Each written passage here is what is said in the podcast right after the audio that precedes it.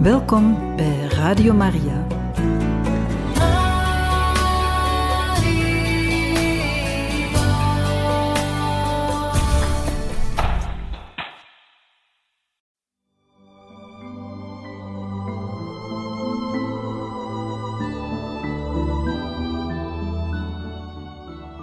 U luistert naar het vervolg van A Christmas Carol, geschreven door Charles Dickens en u verteld door Luc Klaes.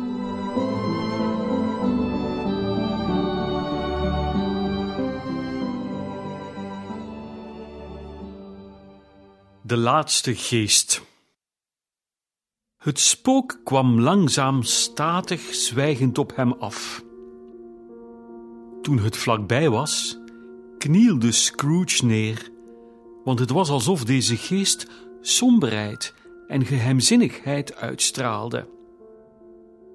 Hij was gehuld in een diep zwart kleed dat zijn hoofd, zijn gezicht en zijn gestalte vervulde, zodat alleen zijn uitgestrekte hand zichtbaar was. Anders zou het moeilijk zijn geweest om zijn gedaante van de nacht te onderscheiden en hem los te maken van de duisternis die hem omhulde. Toen het spook voor hem stond, voelde hij dat het een lange, imposante gedaante was en dat zijn mysterieuze aanwezigheid hem met diepe vrees vervulde. Meer wist hij niet, want de geest sprak nog bewoog. Bevind ik mij in de aanwezigheid van de geest van de toekomstige kerstfeesten? zei Scrooge. De geest gaf geen antwoord, maar wees voor zich uit met zijn hand. U gaat mij schimmen tonen van dingen die nog niet gebeurd zijn, maar die in de tijd die voor ons ligt zullen gebeuren, drong Scrooge aan. Is dat waar, geest? De plooien in het bovenste gedeelte van het kleed werden even toegeknepen alsof de geest geknikt had. Dat was het enige antwoord dat hij kreeg. Hoewel hij inmiddels helemaal gewend was aan spookachtig gezelschap, was Scrooge zo bang voor deze zwijgende gedaante dat zijn benen onder hem beefden. En toen hij aanstaalte maakte om hem te volgen, ontdekte hij dat hij nauwelijks kon staan. Toen de geest zag hoe hij eraan toe was, wachtte hij even en gaf hem de tijd om rustig te worden. Maar hierdoor voelde Scrooge zich nog ellendiger. De wetenschap dat de ogen van het spook hem strak aankeken van achter die donkere waden, terwijl hij zelf, ook afspande hij de zijne tot het uiterste in, niets anders zag dan een schimmige hand en een berg zwart vervulde hem met vage, onzekere afschuw.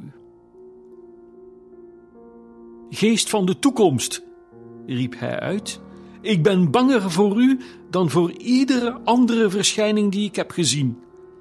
Maar omdat ik weet dat het uw bedoeling is me goed te doen, en omdat ik hoop dat ik voortaan zal leven als een ander mens dan ik geweest ben, ben ik bereid u te vergezellen en dat met een dankbaar hart te doen. Maar zeg toch iets tegen me. Hij gaf geen antwoord. De hand wees recht vooruit.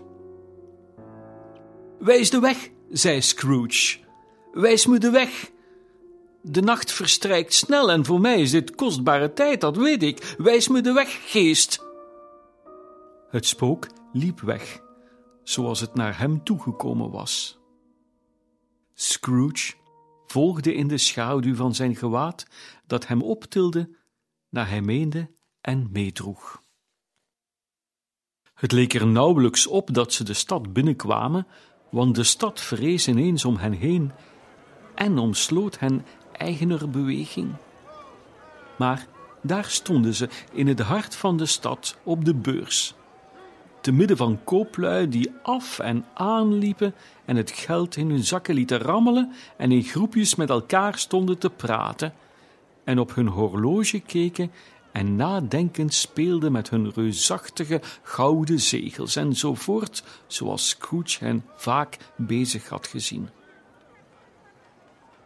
De geest bleef staan bij een groepje zakenlui. Toen hij zag dat de hand naar hen wees, liep Scrooge er naartoe om te horen wat ze zeiden. Nee, zei een grote dikke man met een monsterlijke grote kin. Ik weet er hoe dan ook niet veel van. Ik weet alleen dat hij dood is. Wanneer is hij overleden? informeerde een ander. Gisteravond, geloof ik. Jee, wat had hij dan? vroeg een derde, terwijl hij een enorme hoeveelheid snuif uit een overmaatse snuisdoos pakte. Ik dacht dat hij nooit dood zou gaan.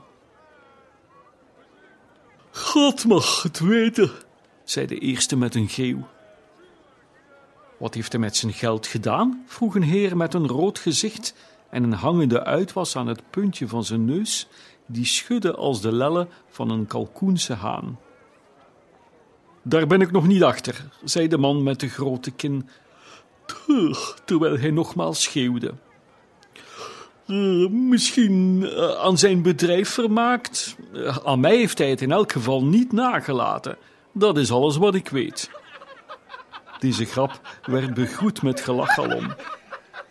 Het zal wel een heel goedkope begrafenis worden, zei dezelfde spreker, want ik kan waarachtig niemand bedenken die erheen zal gaan. Zullen we ons aanmelden als vrijwilligers? Ik vind het best als er maar een lunch wordt aangeboden, merkte de heer met de uitwas aan zijn neus op. Maar ze moeten me te eten geven als ik het doe. Ha, weer gelach. Nou, dan ben ik uiteindelijk de minst baatzuchtige van ons allemaal, zei de eerste spreker. Want ik draag nooit zwarte handschoenen en ik lunch nooit. Maar ik ben bereid te gaan als er iemand met me meegaat. Nu ik erover nadenk, ben ik er helemaal niet zo zeker van dat ik niet zijn beste vriend was. Want als we elkaar tegenkwamen, praten we altijd even met elkaar. Tot ziens. Spreker en luisteraars slenterden weg en voerden zich bij andere groepjes. Scrooge kende deze mannen en keek naar de geest om een verklaring te vinden.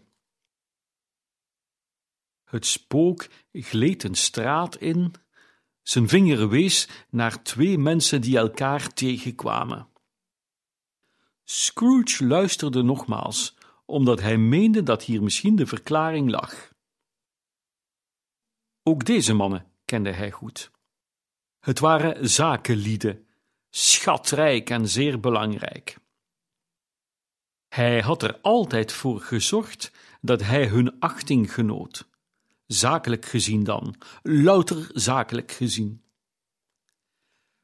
Hoe gaat het, zei de een. En met jou, antwoordde de ander. Zo, zei de eerste, die oude duivel heeft eindelijk zijn verdiende loon gekregen, hè? Dat heb ik gehoord, antwoordde de tweede. Koud, hè? Echt kerstweertje. Jij schaatst niet zeker?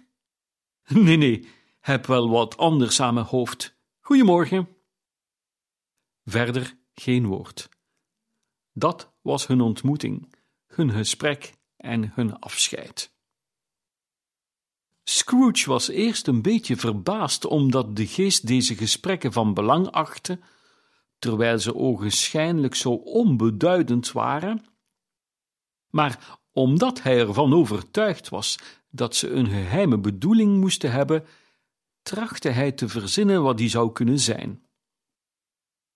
Ze konden niets te maken hebben met de dood van Jacob, zijn voormalige compagnon, want dat was lang verleden tijd, en het domein van deze geest was de toekomst.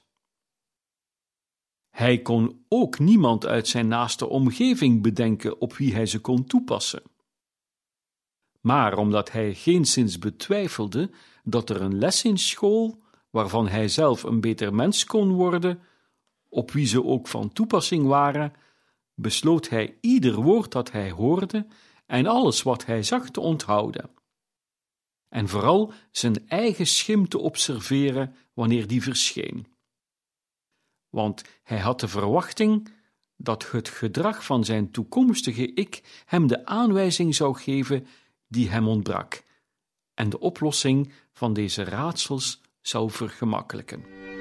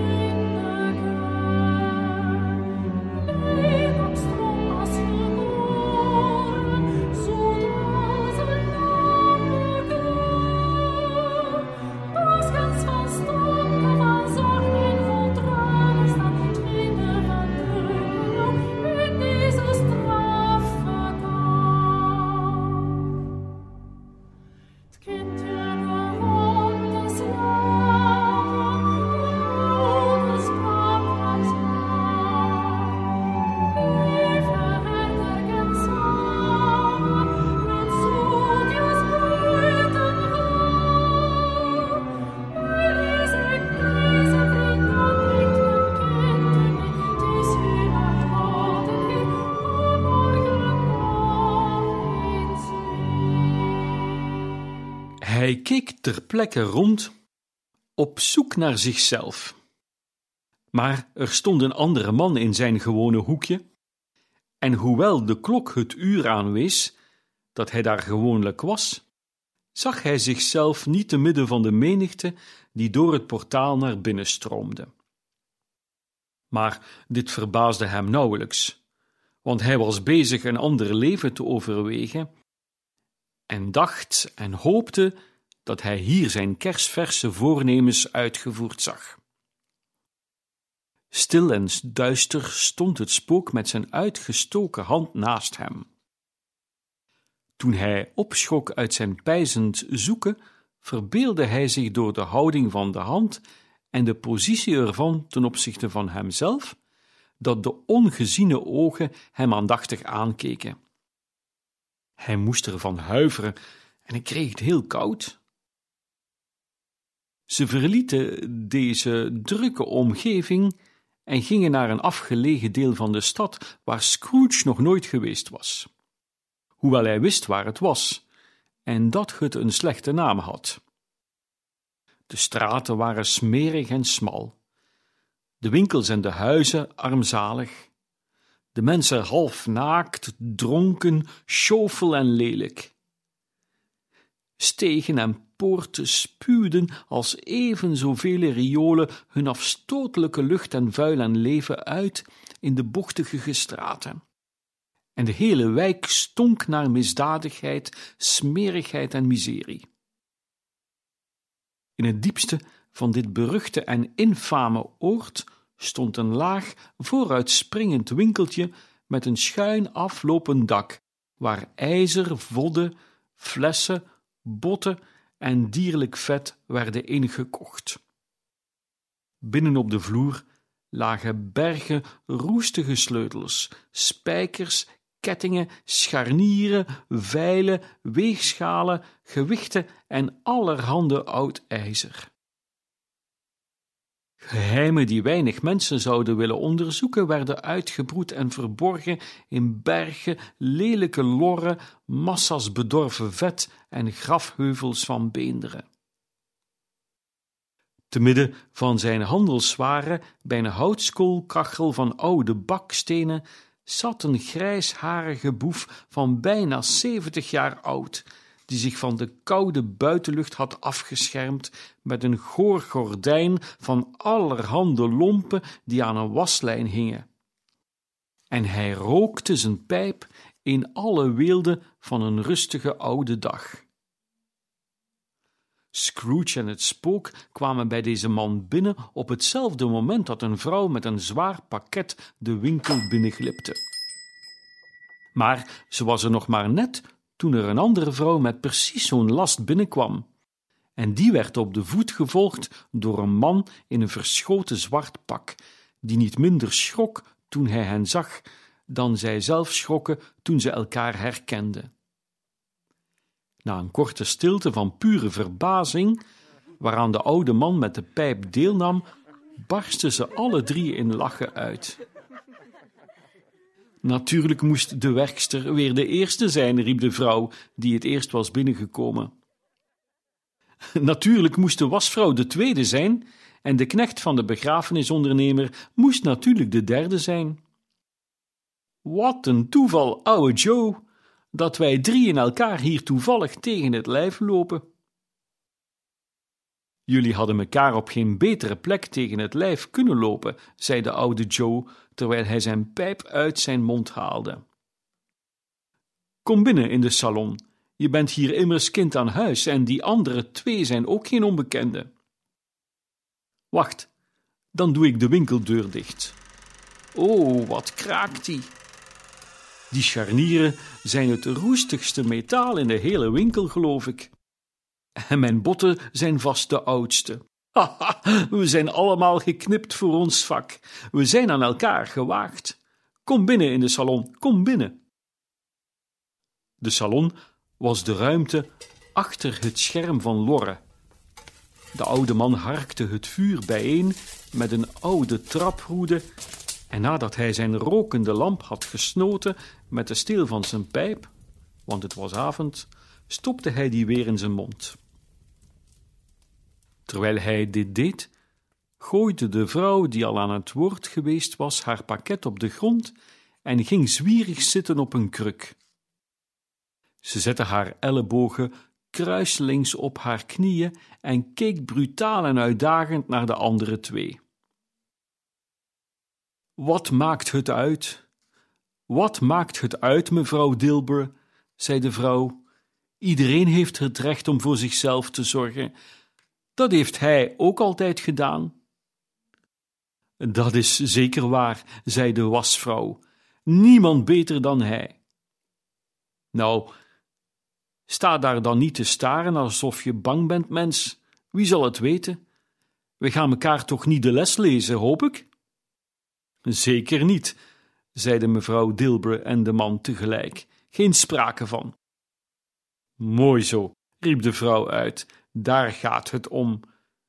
Wie gaat erop achteruit door het verlies van een paar van die spulletjes? Een dode niet, dunkt me. Nee, zeker niet, zei mevrouw Dilber lachend. Als hij ze na zijn dood had willen houden, die smerige oude afzetter, vervolgde de vrouw, Waarom was hij dan tijdens zijn leven niet normaal?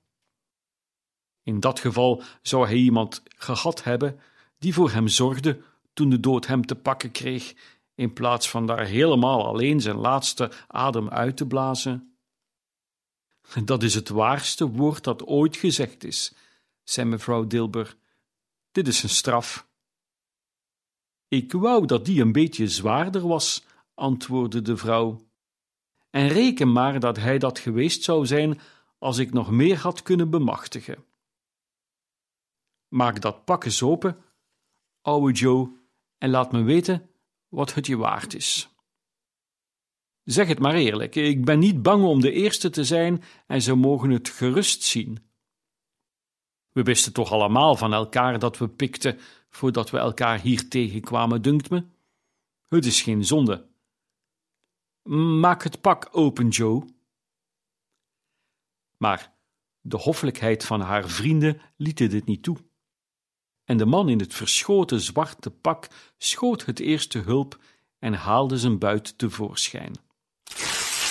Die was niet omvangrijk.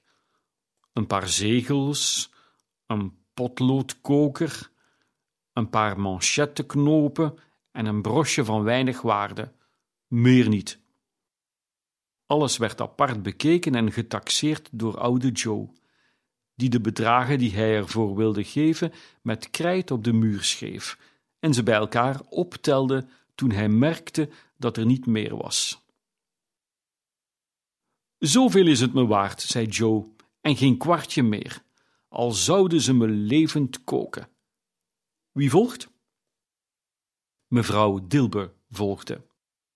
Lakens en handdoeken, enige kledingstukken, twee ouderwetse zilveren theelepels, een suikertang en een stel laarzen. Haar tegoed werd op dezelfde manier op de muur geschreven. Ik geef altijd te veel aan dames. Dat is mijn zwakke plek, en op die manier ruïneer ik mezelf, zei oude Joe. Dit is je te goed. Als je een cent meer zou vragen en er een open vraag van maakte, zou ik spijt krijgen van mijn gulheid en er een halve kroon afdoen. En maak nu mijn pak maar open, Joe, zei de eerste vrouw. Joe ging op zijn knieën liggen om er beter bij te kunnen. En nadat hij een groot aantal knopen had ontward, trok hij er een grote zwarte rol donkere stof uit. Wat moet dit voorstellen? zei Joe. Bedgordijnen? Precies, antwoordde de vrouw lachend, terwijl ze vooroverleunde op haar gekruiste armen. Bedgordijnen. Je wilt toch niet beweren dat je die er met de ringen en al hebt afgehaald terwijl hij daar lag? zei Joe. Jawel, zei de vrouw, en waarom niet? Jij bent in de wieg gelegd om fortuin te maken, zei Joe, en dat zul je doen ook. Als ik iets kan bemachtigen door mijn hand uit te steken, zal ik me zeker niet inhouden, ter wille van een man zoals hij was, dat verzeker ik je, Joe, antwoordde de vrouw koel. Niet met oliemorsen op de dekens, denk eraan. Zijn dekens? vroeg Joe. Ja, van wie anders, antwoordde de vrouw. Hij zal vast geen kou vatten zonder, dunkt me. Ik hoop dat hij niet aan iets besmettelijks is gestorven. Zeg eens op, zei oude Joe, terwijl hij zijn werk onderbrak en opkeek. Daar hoef je niet bang voor te zijn, antwoordde de vrouw. Ik ben niet zo op zijn gezelschap gesteld dat ik in dat geval in zijn buurt zou zijn gebleven terwille van die spulletjes. dat overhemd mag je bekijken tot je ogen pijn doen, maar je zult er geen gaatje, geen slijtplekje in vinden. Het is het beste wat hij had, een uitstekend hemd. Als ik er niet was geweest, hadden ze het weggegooid. Hoe bedoel je weggegooid? vroeg de oude Joe. Dat ze hem dan in hadden begraven, natuurlijk, antwoordde de vrouw met een lach. Iemand was zo stom geweest het hem aan te trekken, maar ik heb het hem weer uitgetrokken. Als Kalikot daar niet voor deugt, deugt het nergens voor. Het staat het lijk net zo goed. Hij kan er niet lelijker uitzien dan hij er daarin uitzag. Scrooge luisterde met afschuw naar deze dialoog. Zoals ze om hun buit heen zaten, in het weinige licht dat de lamp van de oude man uitstraalde, bekeek hij hen met een walging en een weerzin die nauwelijks groter hadden kunnen zijn als het een stel schunnige duivels waren geweest, die het lijk zelf verkwanselde. Hahaha, lachte dezelfde vrouw toen oude Joe een flanellen zak met geld pakte en hun opbrengst op de grond uittelde. Dat heeft hij er nu van, zien jullie wel? Hij heeft iedereen tijdens zijn leven weggejaagd, zodat wij konden profiteren van zijn dood. Geest, zei Scrooge, sidderend van top tot teen, ik begrijp het, ik begrijp het. Het geval van deze ongelukkige zou dat van mezelf kunnen zijn. Met mijn leven gaat het ook die kant op. Goeie genade, wat is dit? Hij deinsde in doodsangst achteruit, want ze bevonden zich ineens ergens anders en hij raakte bijna een bed aan. Een kaal bed, zonder gordijnen, waarop onder een rafelig laken iets lag dat, hoewel het sprakeloos was, zichzelf bekend maakte in een vreselijke taal.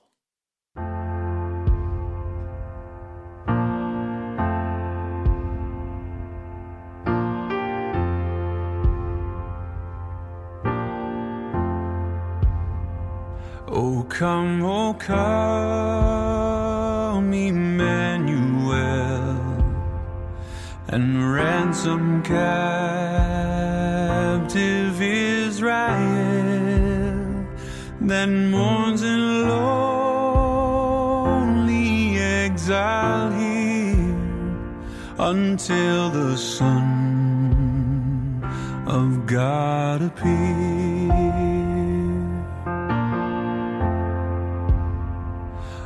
Come thou rod of Jesse free, thine own from Satan's tyranny, from depths of hell thy people save, and give them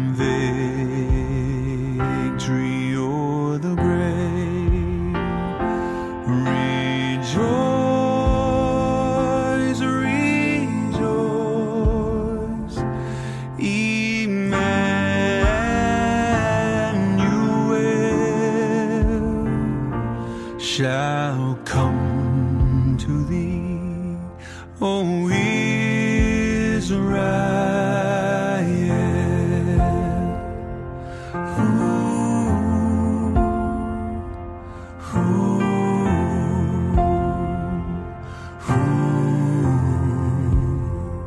Oh, come thou day, spring, come and cheer. Our spirits by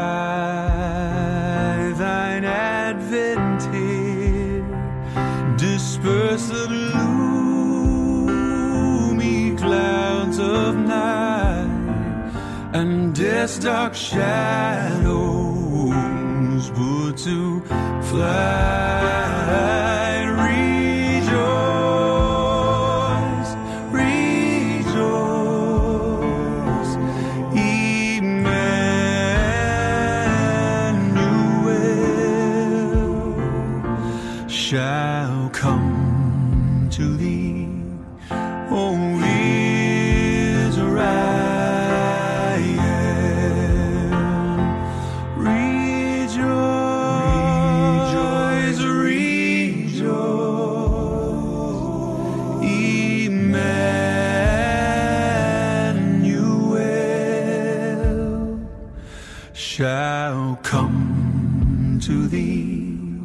O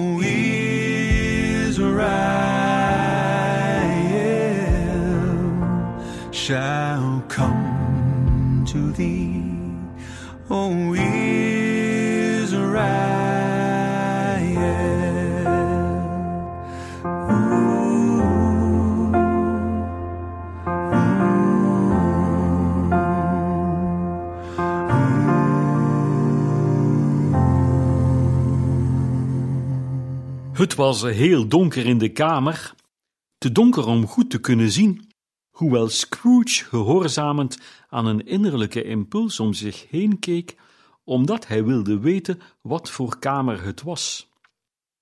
Een zacht licht dat van buiten kwam, viel recht op het bed, en daarop, bestolen en beroofd, onbewaakt, onbeweend, onbemind, lag het lijk van een man.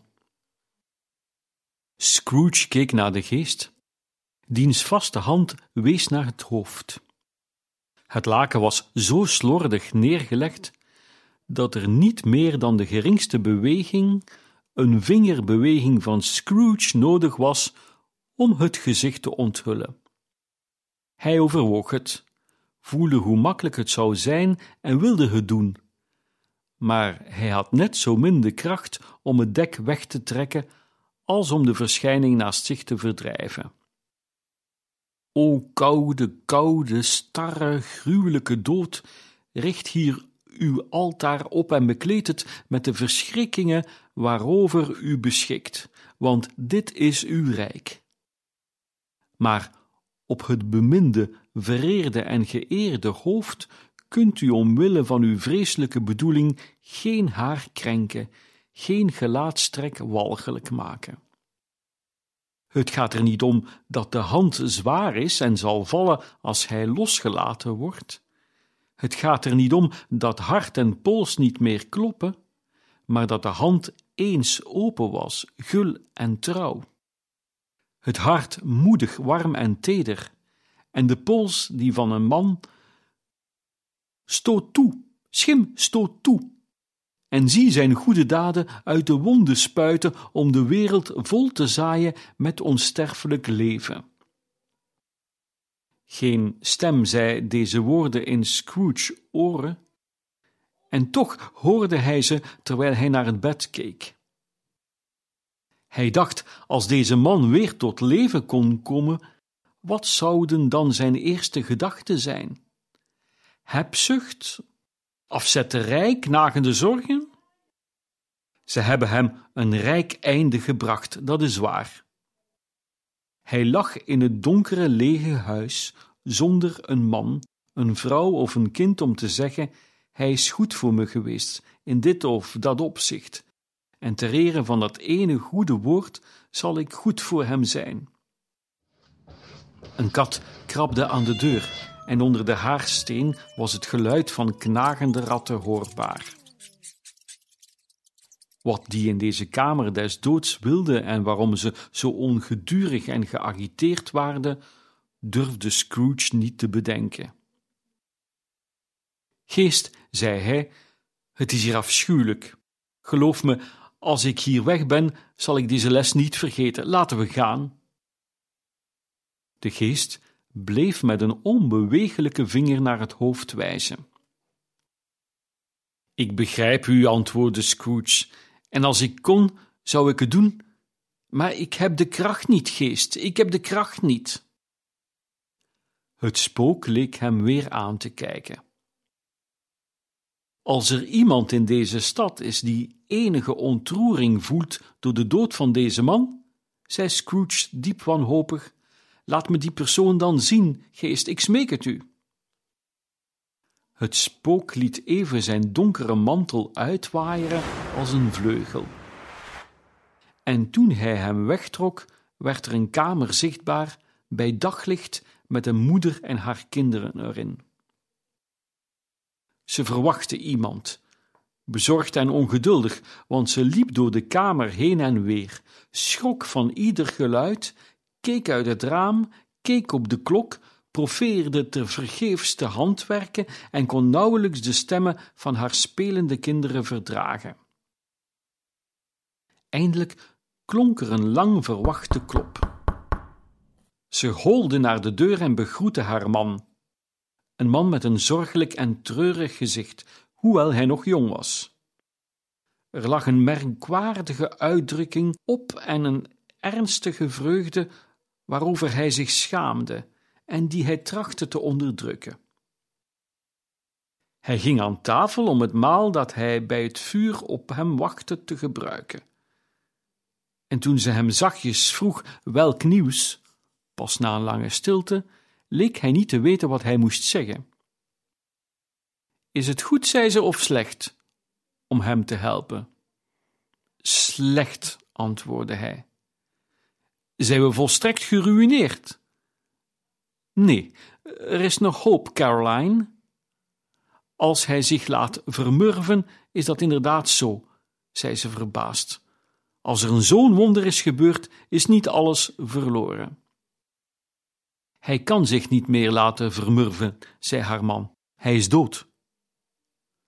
Ze was een zachtaardig en geduldig schepsel, als haar gezicht de waarheid sprak. Maar ze was zielsblij dit te horen, en dat zei ze ook met ineengeslagen handen. Het volgende moment bad ze om vergiffenis en had er spijt van, maar die eerste emotie kwam uit haar hart. Wat die halfdronken vrouw over wie ik je gisteravond vertelde tegen me zei, toen ik hem wilde opzoeken om een week uitstel te krijgen, en wat volgens mij alleen maar een uitvlucht was om me niet te ontvangen, blijkt volkomen waar te zijn geweest. Hij was niet alleen ernstig ziek, maar stervende. Aan wie zal onze schuld worden overgedragen? Dat weet ik niet, maar voor die tijd zullen we het geld bij elkaar hebben, en zelfs als dat niet het geval mocht zijn, zou het wel erge pech zijn als zijn opvolger even meedogenloos was. Vannacht kunnen we met een gerust hart slapen, Caroline. Ja, ook al probeerde ze het te verdoezelen, ze voelde zich geruster. De gezichten van de kinderen, die zwijgend om hen heen geschaard waren om te vernemen wat ze zo weinig begrepen, waren vrolijker, en dit huis was gelukkiger door de dood van deze man. De enige door deze gebeurtenis teweeggebrachte ontroering die de geest hem kon tonen, was blijdschap. Toon me enige tederheid in verband met een sterven, zei Scrooge. Anders zal ik dat donkere vertrek dat we zojuist verlaten hebben altijd voor me blijven zien, geest. De geest voerde hem mee door een aantal straten waarmee zijn voeten vertrouwd waren. En terwijl ze verder liepen, keek Scrooge om zich heen of hij zichzelf zag. Maar hij was nergens te bekennen. Ze gingen het huis van de arme Bob Cratchit binnen, de woning die hij eerder had bezocht, en ze troffen er de moeder en de kinderen aan, gezeten bij het vuur. Stil, heel stil. De rumoerige kleine Cratchits zaten zo stijf als standbeelden in een hoekje en keken op naar Pieter, die een boek voor zich had. De moeder en haar dochters zaten te naaien, maar ze waren wel erg stil. En hij riep een kind tot zich en plaatste dat in hun midden. Waar had Scrooge die woorden nog gehoord? Hij had ze niet gedroomd. De jongen moest ze hebben voorgelezen toen de geest en hij de kamer binnenkwamen. Waarom ging hij niet verder? De moeder legde haar naaiwerk op de tafel en bracht haar hand naar haar gezicht. De kleur doet pijn aan mijn ogen, zei ze.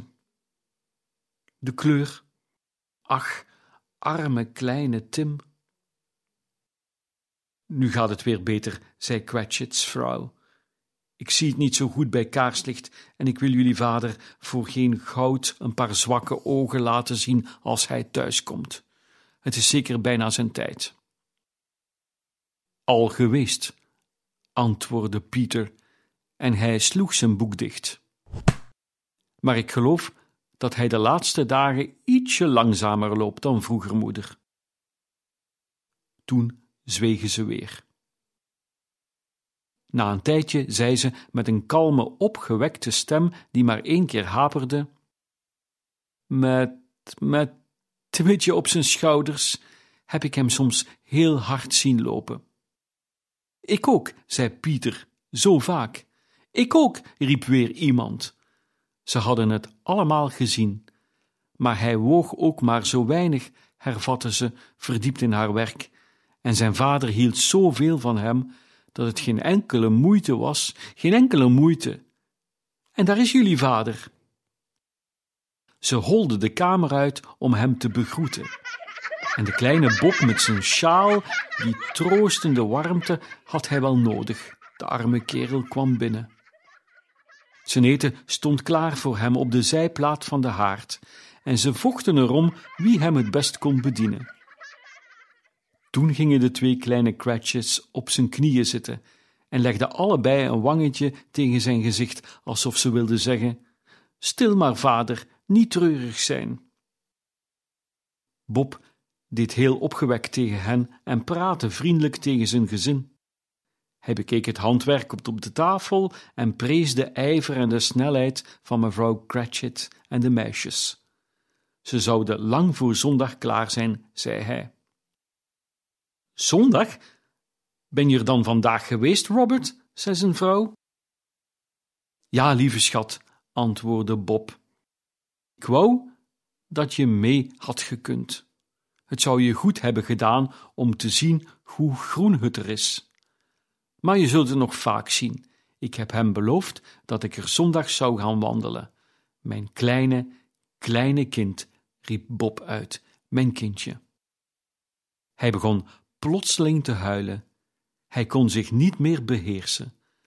Als hij dat wel had gekund, zouden hij en zijn kind elkaar misschien minder na hebben gestaan dan het geval was.